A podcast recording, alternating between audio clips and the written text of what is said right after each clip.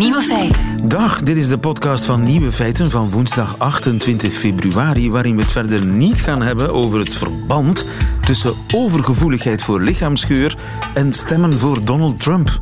Dat verband blijkt namelijk uit onderzoek van Italiaanse en Zweedse wetenschappers, die via online enquêtes mensen in verschillende landen ondervraagd hebben over hun politieke voorkeur en over hun geurgevoeligheid. De analyse van de resultaten toonde een heel sterke overeenkomst tussen hoe sterk mensen reageren op lichaamsgeuren en hun verlangen naar een sterke, autoritaire leider. In Amerika vonden ze een verband tussen een gevoeligheid voor lichaamsgeur en de mate van steun voor Donald Trump. De wetenschap, die weet wat. De andere nieuwe feiten zijn Parkinson-pillen. Die kunnen mensen hun persoonlijkheid veranderen. Sommige roltrappen van de Brusselse metro zijn voortdurend in herstelling. Het aantal motorbendes in Limburg is op korte tijd vervijfvoudigd. En met het 5G-netwerk halen we een Chinees paard van Troje binnen. Geniet ervan. Bla bla bla. Nieuwe feiten. Bla bla bla. Radio 1. Hoog bezoek in de studio van Radio 1. We hebben iemand van Radio 2 namelijk op bezoek, David van Otegem. Goedemiddag. David, welkom. Eh, je hebt een bijzondere belangstelling. Ik zou zelfs haast durven spreken van een obsessie. Ja. Ontwikkeld voor roltrappen. Eén specifieke roltrap, om precies te zijn, die in het Montgomery metrostation in Brussel liep. En hoe is dat begonnen? Ja, dat is begonnen in 2015. Ik moet al twee jaar teruggaan. Is mij dat beginnen Drie op te jaar vallen. bijna. Drie jaar bijna.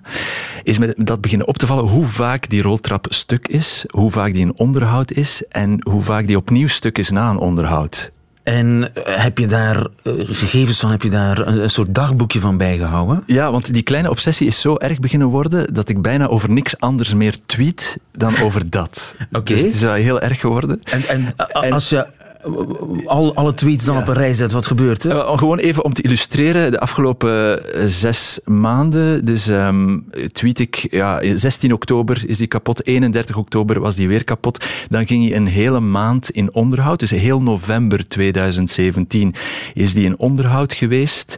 Eh, dan is die begin december weer beginnen rollen, maar op 14 december was hij alweer kapot. Amper twee weken dus na een, na een hele maand onderhoud. Dus eh, van dan af ben ik ook de hashtag het eeuwige onderhoud beginnen te gebruiken. Dus dat is gemakkelijk eh, terug te vinden dan als je even mijn eh, Twitter-account bekijkt. Ik bespaar je de details, maar het komt er toch op neer dat per maand die roltrap ongeveer twee keer... eh, defect is. Tot ik mij ben beginnen af te vragen, via tweet ook, van hoeveel zou die roltrap kosten aan onderhoud.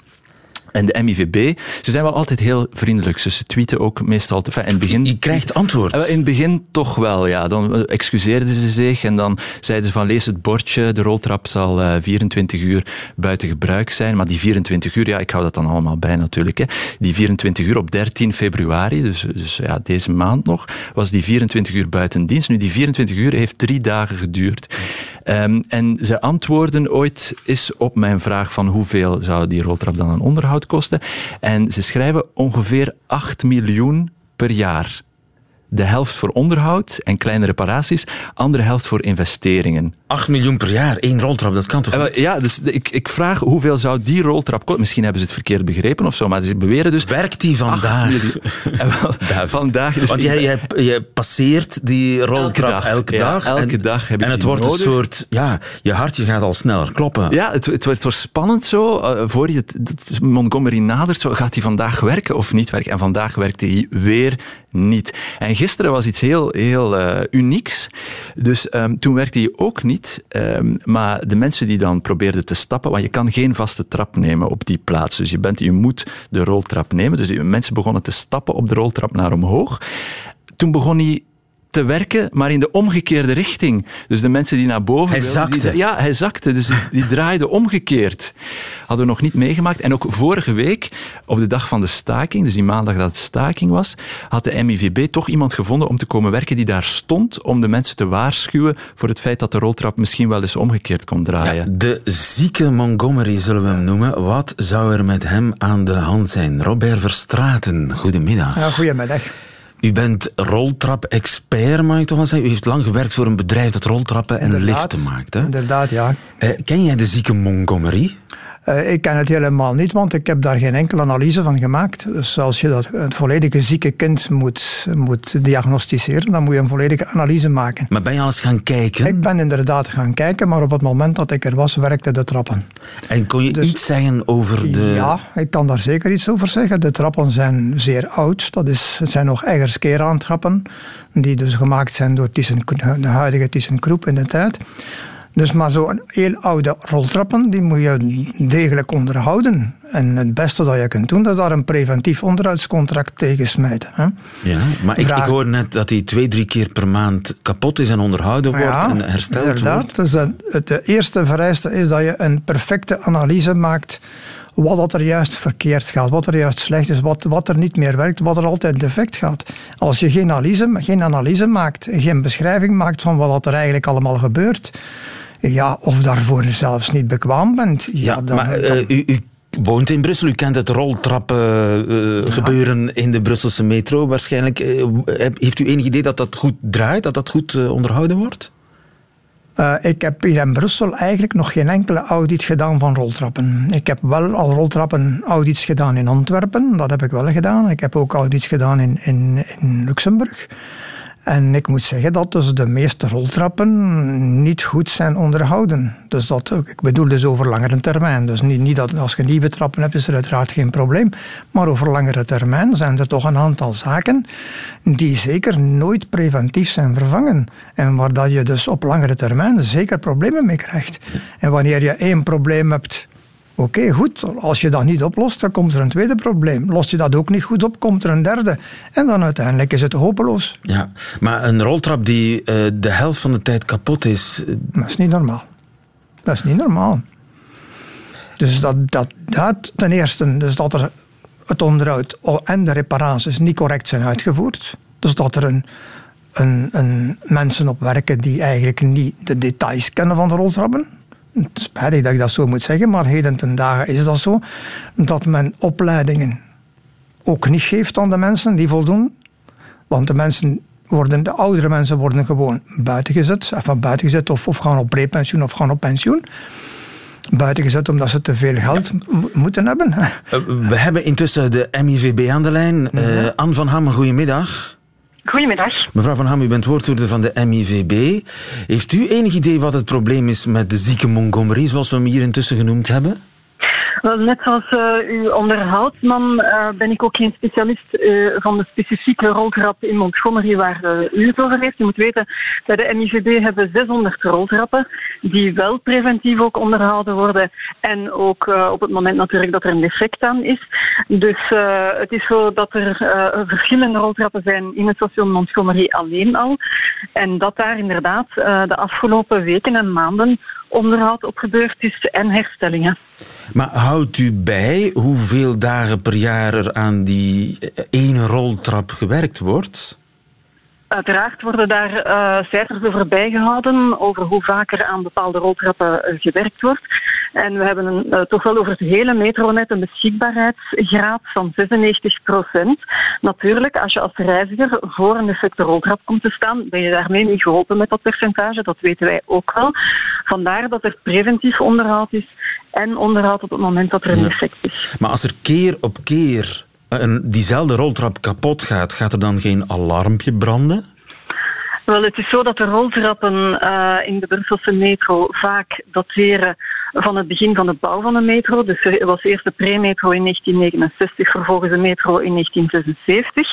Heel wat roltrappen dateren ook uit die periode. Um, de eigenaar van de Brusselse metrostations, namelijk Brussel Mobiliteit, heeft een uh, investeringsprogramma dat loopt over verschillende jaren om die roltrappen vervangen om inderdaad uh, dergelijke zaken te vermijden. Ja, want ja, ik, ik, ben, ik heb natuurlijk de rekening niet gemaakt, maar als ik een auto zou hebben die de helft van de tijd in de garage staat voor, voor herstelling of onderhoud, ja, dan denk ik dat ik een nieuwe koop. Dat kan ik goed begrijpen. Het budget ligt helaas niet bij ons. En uh, Brussel Mobiliteit heeft een planning inderdaad om, uh, om die roltrappen op termijn te vervangen. Het, het, budget ligt niet bij de MIVB. Bedoelt u het, het nee. budget om nieuwe trappen aan te schaffen? Klopt, ja. En het dat budget, ligt het... bij het Brussels gewest.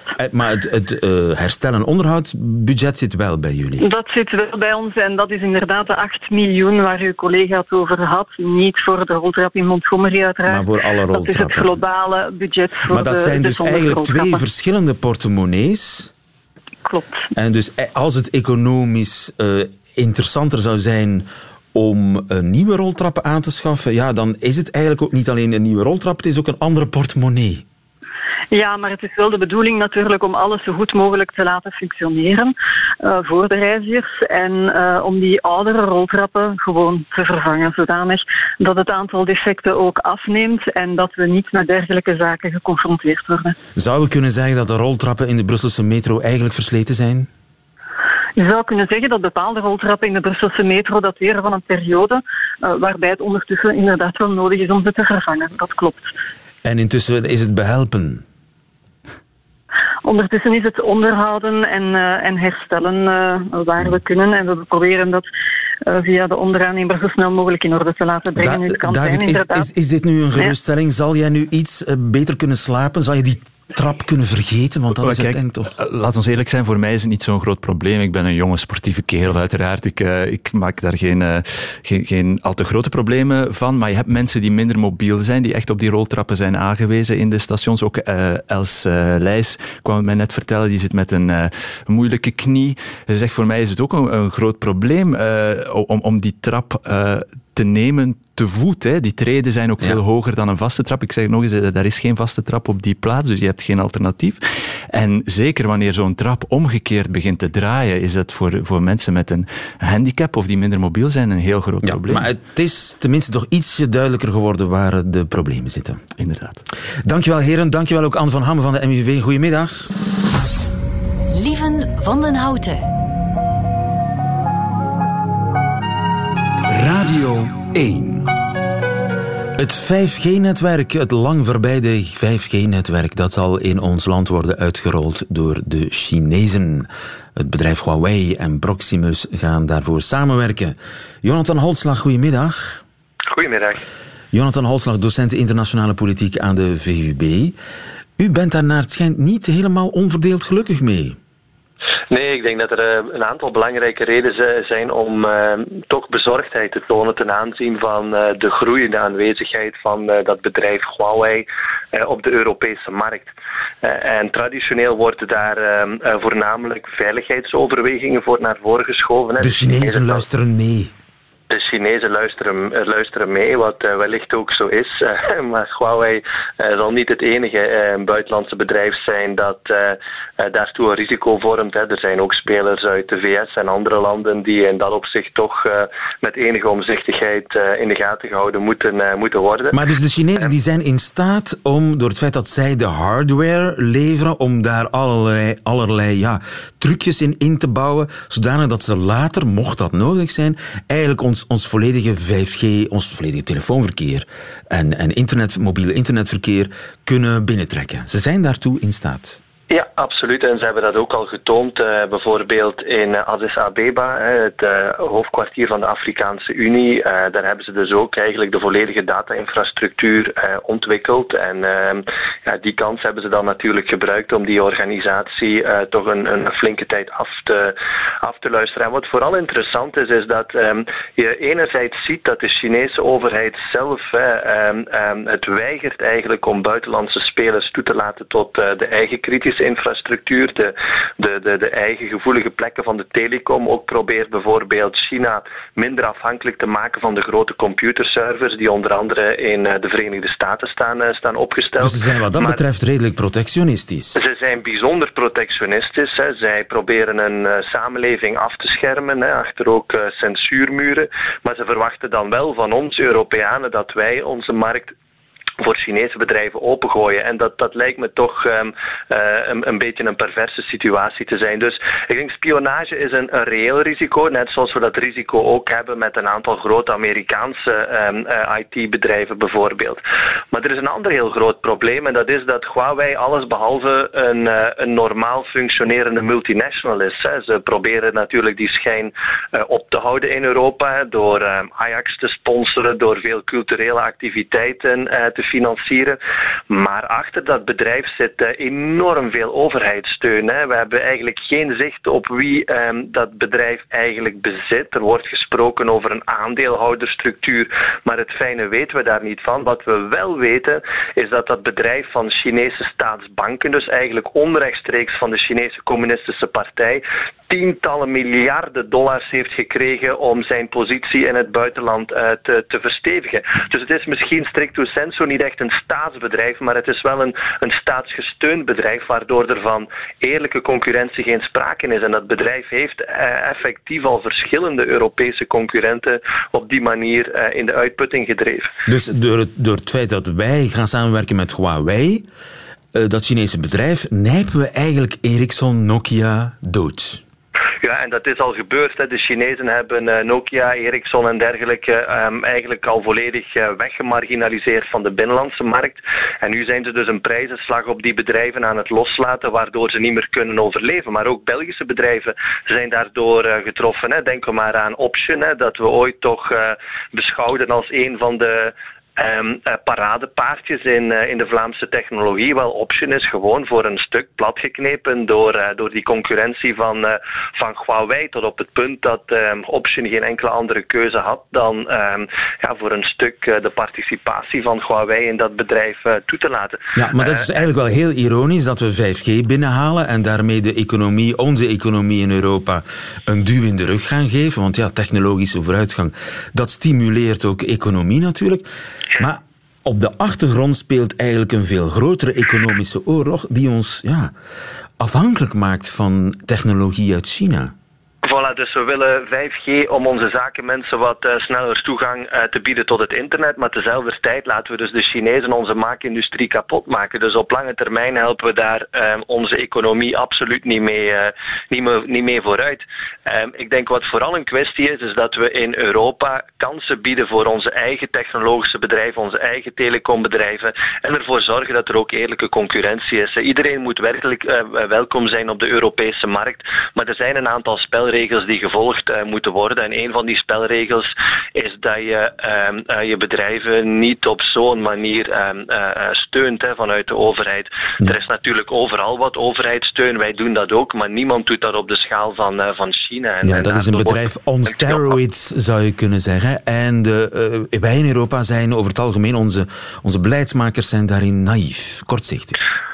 Ja, dus uh, we vinden het heel prettig om uh, die 5G uit te rollen, maar we kijken niet verder dan dat. Hè. China uh, probeert ons natuurlijk te paaien door die technologie nu relatief voordelig aan te bieden. Maar daarachter, als je dan die beleidsdocumenten um, leest van de Chinese overheid, zit bijvoorbeeld de ambitie om um, Europa, de Europese landen, volledig te binden aan Chinese technologie, aan Chinese telecombedrijven op, op termijn. Dus daar zit veel, veel meer achter. En het probleem bij ons is dat natuurlijk een, een eh, bepaalde minister dat voordeel ziet van, van die 5G. Zich daar Alexander de Croo.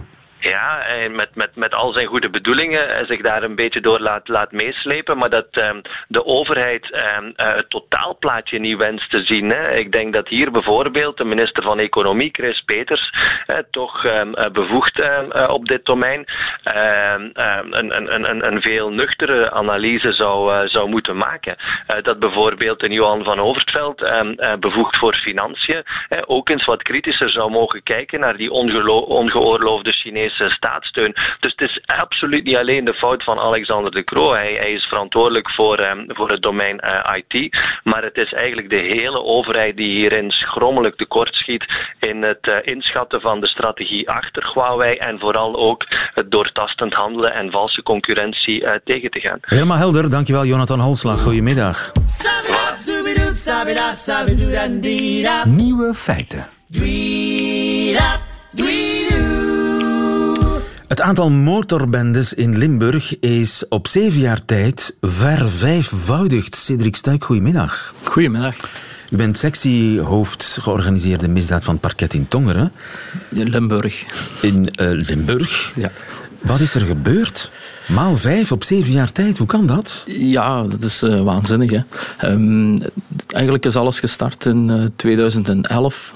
Op, op, dat ogenblik waren er een tweetal uh, gekende motorclubs aanwezig in Limburg. En er is dan op een gegeven ogenblik een, de moord um, op de Outlaws door Hells Angels geweest. Um, dat is in de pers geweest lange tijd. Er is een, een proces van geweest. Ja.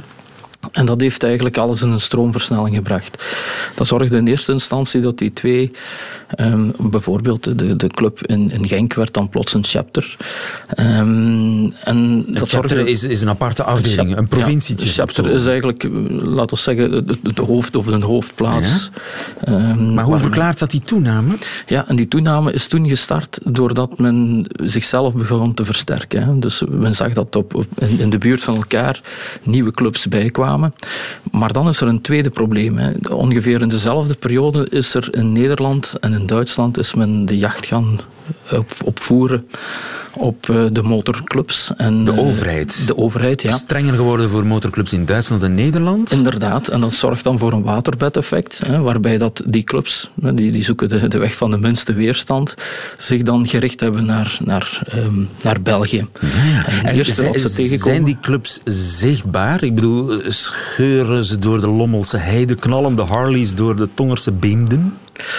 Ja, daar worden. Enfin, het is natuurlijk, hè, wanneer op een zomerdag zal dat iets meer zijn dan nu op een koude winterdag. Maar uh, normaal gezien zijn die, ziet men inderdaad een aantal van die, van die, die personen rondrijden. Hè. Ja. Dus niet, niet altijd in hun colors, maar ja, toch wel vaak wel. Ja. Maar dat zijn toch niet uitgeweken Duitsers en Nederlanders? Dat zijn toch voornamelijk nee. Limburgse mannen die aangesloten zijn bij motorclubs? Ja, eigenlijk is het divers. Hè. Er zijn een aantal, uh, wat, wat, we, wat we vaststellen, zijn een aantal uh, leden uit Nederlandse clubs die afzakken naar België.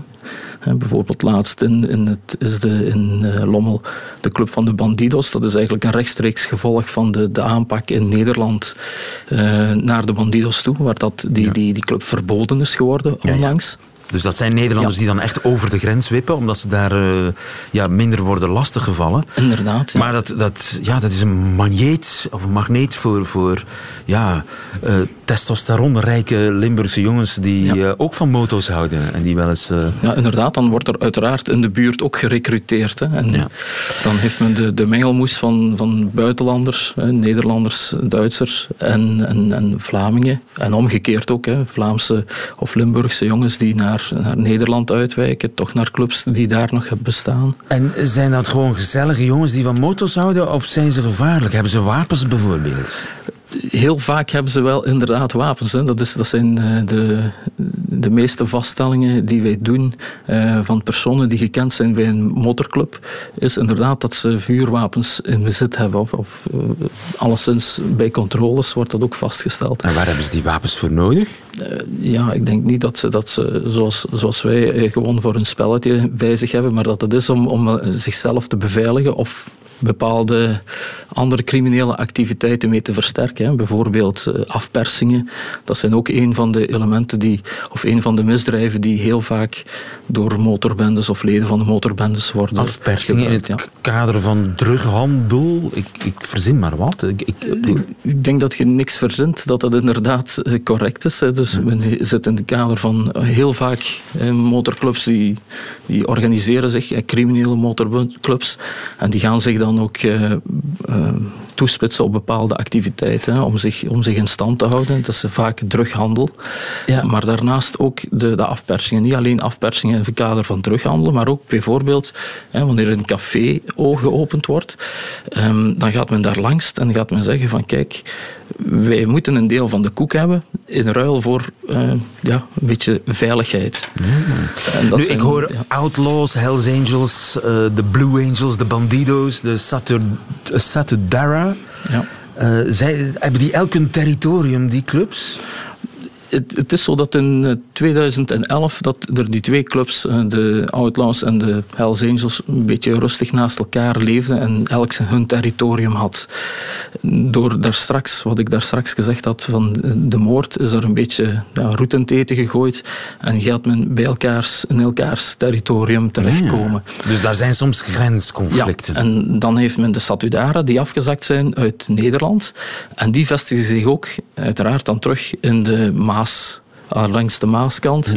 En daar situeert zich ja, het gros van, van onze motorclubs, die situeren zich daar. En dat geeft dan aanleiding uiteraard tot spanningen wanneer dat men ja, in elkaars territorium terechtkomt. Dus je zou dus kunnen zeggen dat de Nederlanders hun motorbendeprobleem met succes geëxporteerd hebben naar Limburg. Uh, betekent dat dat wij nu ook, net zoals in Nederland, wetgeving moeten krijgen, waardoor gemeenten makkelijker ja, die, die bendes kunnen bestrijden, vergunningen kunnen weigeren en zo van die dingen voor clubhuizen? Ja, daar is alleszins de wetgever is daar nu mee bezig. Hè.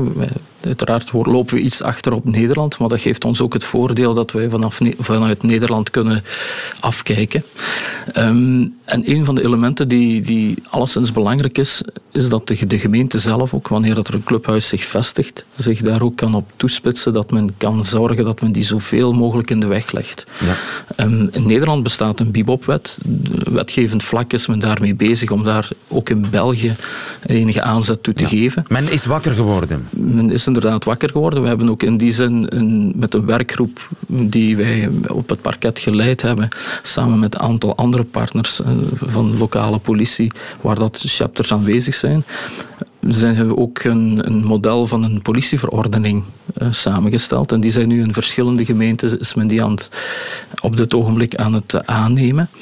En het politiereglement dat ervoor zorgt dat wanneer dat men een clubhuis wil oprichten, uiteraard dat ook niet zo gemakkelijk zal zijn. Ja, dus de strijd is begonnen. Dankjewel, De strijd is inderdaad begonnen. Stuik van het parket in Limburg. Goedemiddag. Dag, tot ziens. Ik zeg Nieuwe feiten. Kunnen pillen tegen Parkinson aanzetten tot moord? Je zou beginnen denken, want op het proces Renault Ardi heeft een deskundige gezegd van wel. Ardi staat terecht voor twee moorden en twee moordpogingen. En die zouden gepleegd kunnen zijn onder invloed van pillen. Parkinson-pillen, tenminste dat zegt een neuroloog die door zijn advocaat werd opgeroepen. Bas Bloem, goedemiddag. Goedemiddag. U bent uh, neuroloog aan de Radboud Universiteit van Nijmegen. En voor alle duidelijkheid, u heeft niets met deze zaak te maken. Uh, maar hebben medicijnen tegen Parkinson hebben die zware bijwerkingen? Ja, het is goed dat u inderdaad stelt dat ik uh, de ziektegeschiedenis van deze uh, patiënten niet ken. En het klinkt als een heel verdrietig geval natuurlijk in alle opzichten. Parkinson is een hele complexe ziekte. We noemen dat een neuropsychiatrische ziekte. Heel veel mensen kennen Parkinson als een ziekte die problemen met bewegen geeft, stijfheid, traagheid en trillen. Maar Parkinson kan daarnaast ook psychiatrische symptomen geven. Um, en dat is deels door de ziekte zelf en deels kan dat inderdaad door de pillen komen. En, wat in dit Hoe gaat het dan bijvoorbeeld om impulsen moeilijker controleren? Ja, dat klopt. Dus een, um, het stofje in de hersenen wat tekort is bij mensen met Parkinson is dopamine. En dat dopamine tekort kun je aanvullen met medicatie. Dan bewegen mensen ook weer vlotter. Soms schiet die medicatie zijn doel voorbij. En soms is bij zo'n 6 tot 10 procent van de mensen, vooral mannen en vooral jongere mensen. Maar het kan ook bij vrouwen en het kan ook op hogere leeftijd. En wat er dan gebeurt is dat mensen hun impulsen moeilijker kunnen beheersen. Wat we kennen en wat inmiddels wel uitgebreid bekend is, is dat dat kan leiden tot verslavingszucht. Maar dat kennen wij vooral van verslaving aan bijvoorbeeld seks, de hele tijd pornografische sites bekijken, verslaving aan gokken, koopzucht of soms ook verslaving aan de Parkinson-medicatie zelf. Agressie, moordzucht kennen wij nadrukkelijk niet. Niet uit de literatuur en ik ken het ook niet uit mijn eigen ervaring. Geen agressie, geen moordzucht, maar wel uh, ja, uh, veel porno gaan kijken. En uh, Hardy zou na zijn behandeling plots andere seks willen. Die zou plots hevigere seks willen. SM, wurgseks, zegt u dat iets? Nogmaals, over de ziektegeschiedenis van deze meneer kan ik helemaal niet zeggen. Um, de drang naar seks in het algemeen uh, kan toenemen. Specifiek wurgseks is mij niets van bekend. U moet zich voorstellen, Parkinson, wat ik al zei, is een hele complexe neuropsychiatrische aandoening. En er spelen minstens drie factoren een rol. Eén is de medicatie die uh, de, de, de, de, neiging om impulsen te onderdrukken wat kan verminderen. Maar dat kennen we dus van kopen, gokken en, en seks. Daarnaast kan een deel van de mensen uiteindelijk een, een vorm van dementie krijgen, waardoor karaktertrekken die iemand van zichzelf al had, scherper worden. Dat is een tweede factor die een rol kan spelen bij mensen met Parkinson in het algemeen. En een derde factor is dat heel soms de medicatie zijn doel echt voorbij schiet en mensen psychotisch worden en vervolgens in een waangedrag heel afwijkend gedrag gaan vertonen. Ja, want waangedrag, daar zegt u zoiets. Uh, mijn moeder had, uh, mijn moeder zaliger had Parkinson en die had hallucinaties. Die zag ja, dat dingen. is een ja, absoluut. Het, het, dingen zien die niemand anders ziet, uh, is een uh, bekende bijwerking van dopamine-medicatie. Vooral bij mensen die uh, de ziekte al op wat oudere leeftijd hebben. Ik weet niet hoe oud uw moeder was ja, ja. destijds, maar ja, absoluut, juist, op, 70, juist 80, op hogere. Ja, en juist ook als de denkfuncties wat stroever en roestiger beginnen te worden, dan is het risico op die hallucinaties groter. Het is wel iets waar wij als artsen natuurlijk heel alert op zijn. En heel veel van die bijwerkingen die ik nu noemde, zijn ook wel weer gelukkig deels reversibel of grotendeels reversibel als je de Parkinson-pillen weer uh, reduceert in dosis. Maar dan wel weer met nadelige effecten op moeizamere motoriek. Ja, het is een complexe ziekte en de ziekte heeft niet alleen bewegingsstoornissen en de medicijnen hebben soms zware bijwerkingen. Dat is duidelijk. Dankjewel Bas Bloem in Nederland voor ons. Goedemiddag. Graag gedaan. Nieuwe feiten. Middagjournaal. Beste luisteraars. Mies Bouwman is dood. In Nederland voelt het alsof er bij heel veel mensen een stuk uit hun leven is gerukt. Al twee dagen lang gaat het over Mies Bouwman. Hoe lief ze was, hoe goed ze met mensen om kon gaan, dat ze eigenlijk in haar eentje de televisie uitvond en dat ze de eerste televisievrouw was die een broek aandeed. Ik weet niet of ik dat laatste haar grootste verdienste vind. Ik neem haar dat zelfs een beetje kwalijk. Ik zou dat als vrouw denk ik nooit doen. Ervoor knokken dat andere vrouwen er net zo uitzien als oma Benny, die een uitlaat van zijn auto repareert. Maar ik vergeef het haar. Er zijn wel ergere dingen. Bijvoorbeeld K3, die kinderen leert dat je alleen met harde tepels en een getuid mondje mag dansen voor de mensen in Afrika. Maar nog even over Mies. Door alle herdenkingsprogramma's kwam ik erachter dat Mies de laatste twintig jaar onafgebroken aan het bellen was met bekende Nederlanders. Om ze op te peppen. Om ze te vertellen wat ze wel of niet goed deden. Of om gewoon even te vertellen dat ze heel veel van ze hield. Al die bekende Nederlanders vertelden dat de laatste twee dagen op de televisie. Ja, zij waren ook gebeld door Mies. Ik ben nooit door Mies gebeld. Mies heeft mij nooit gebeld en gezegd: Doe anders eens een rokje aan, misschien vinden de mensen dat leuk. En zelf heb ik dat eigenlijk ook nooit gedaan, iemand gebeld om goede raad te geven. Ik zou dat denk ik niet kunnen. Om Lieve van der Houten, de presentator van dit programma, op te bellen en dat ik dan zeg: Je presenteert heel aardig, lieve, maar probeer iets hoger te praten. Gil af en toe zomaar eens midden in een interview. Ik ga dat daarom vanaf nu meer doen. Ik wil dat ze later ook kunnen zeggen: Nico belde me. Herman Brusselmans bijvoorbeeld. Hallo Herman. Ja, met Nico nog even. Ik wil zeggen dat je hele leuke schoenen aan had op de televisie. Of Mark Koeken. Ha Mark, als je bij Anderlecht op het ereterras zit, laat je haar dan Noord-Koreaans knippen, dat staat je goed. Ik neem mij voor om meer te gaan bellen. Ook met onbekende mensen. Ja, hallo, tante Dini, met Nico hier. Ik bel even om te vragen of het stoofvlees al gaar is. En dat ze dat dan, over 40 jaar, vertelt aan de mensen. Hij belde. Nico belde of het vlees gaar was.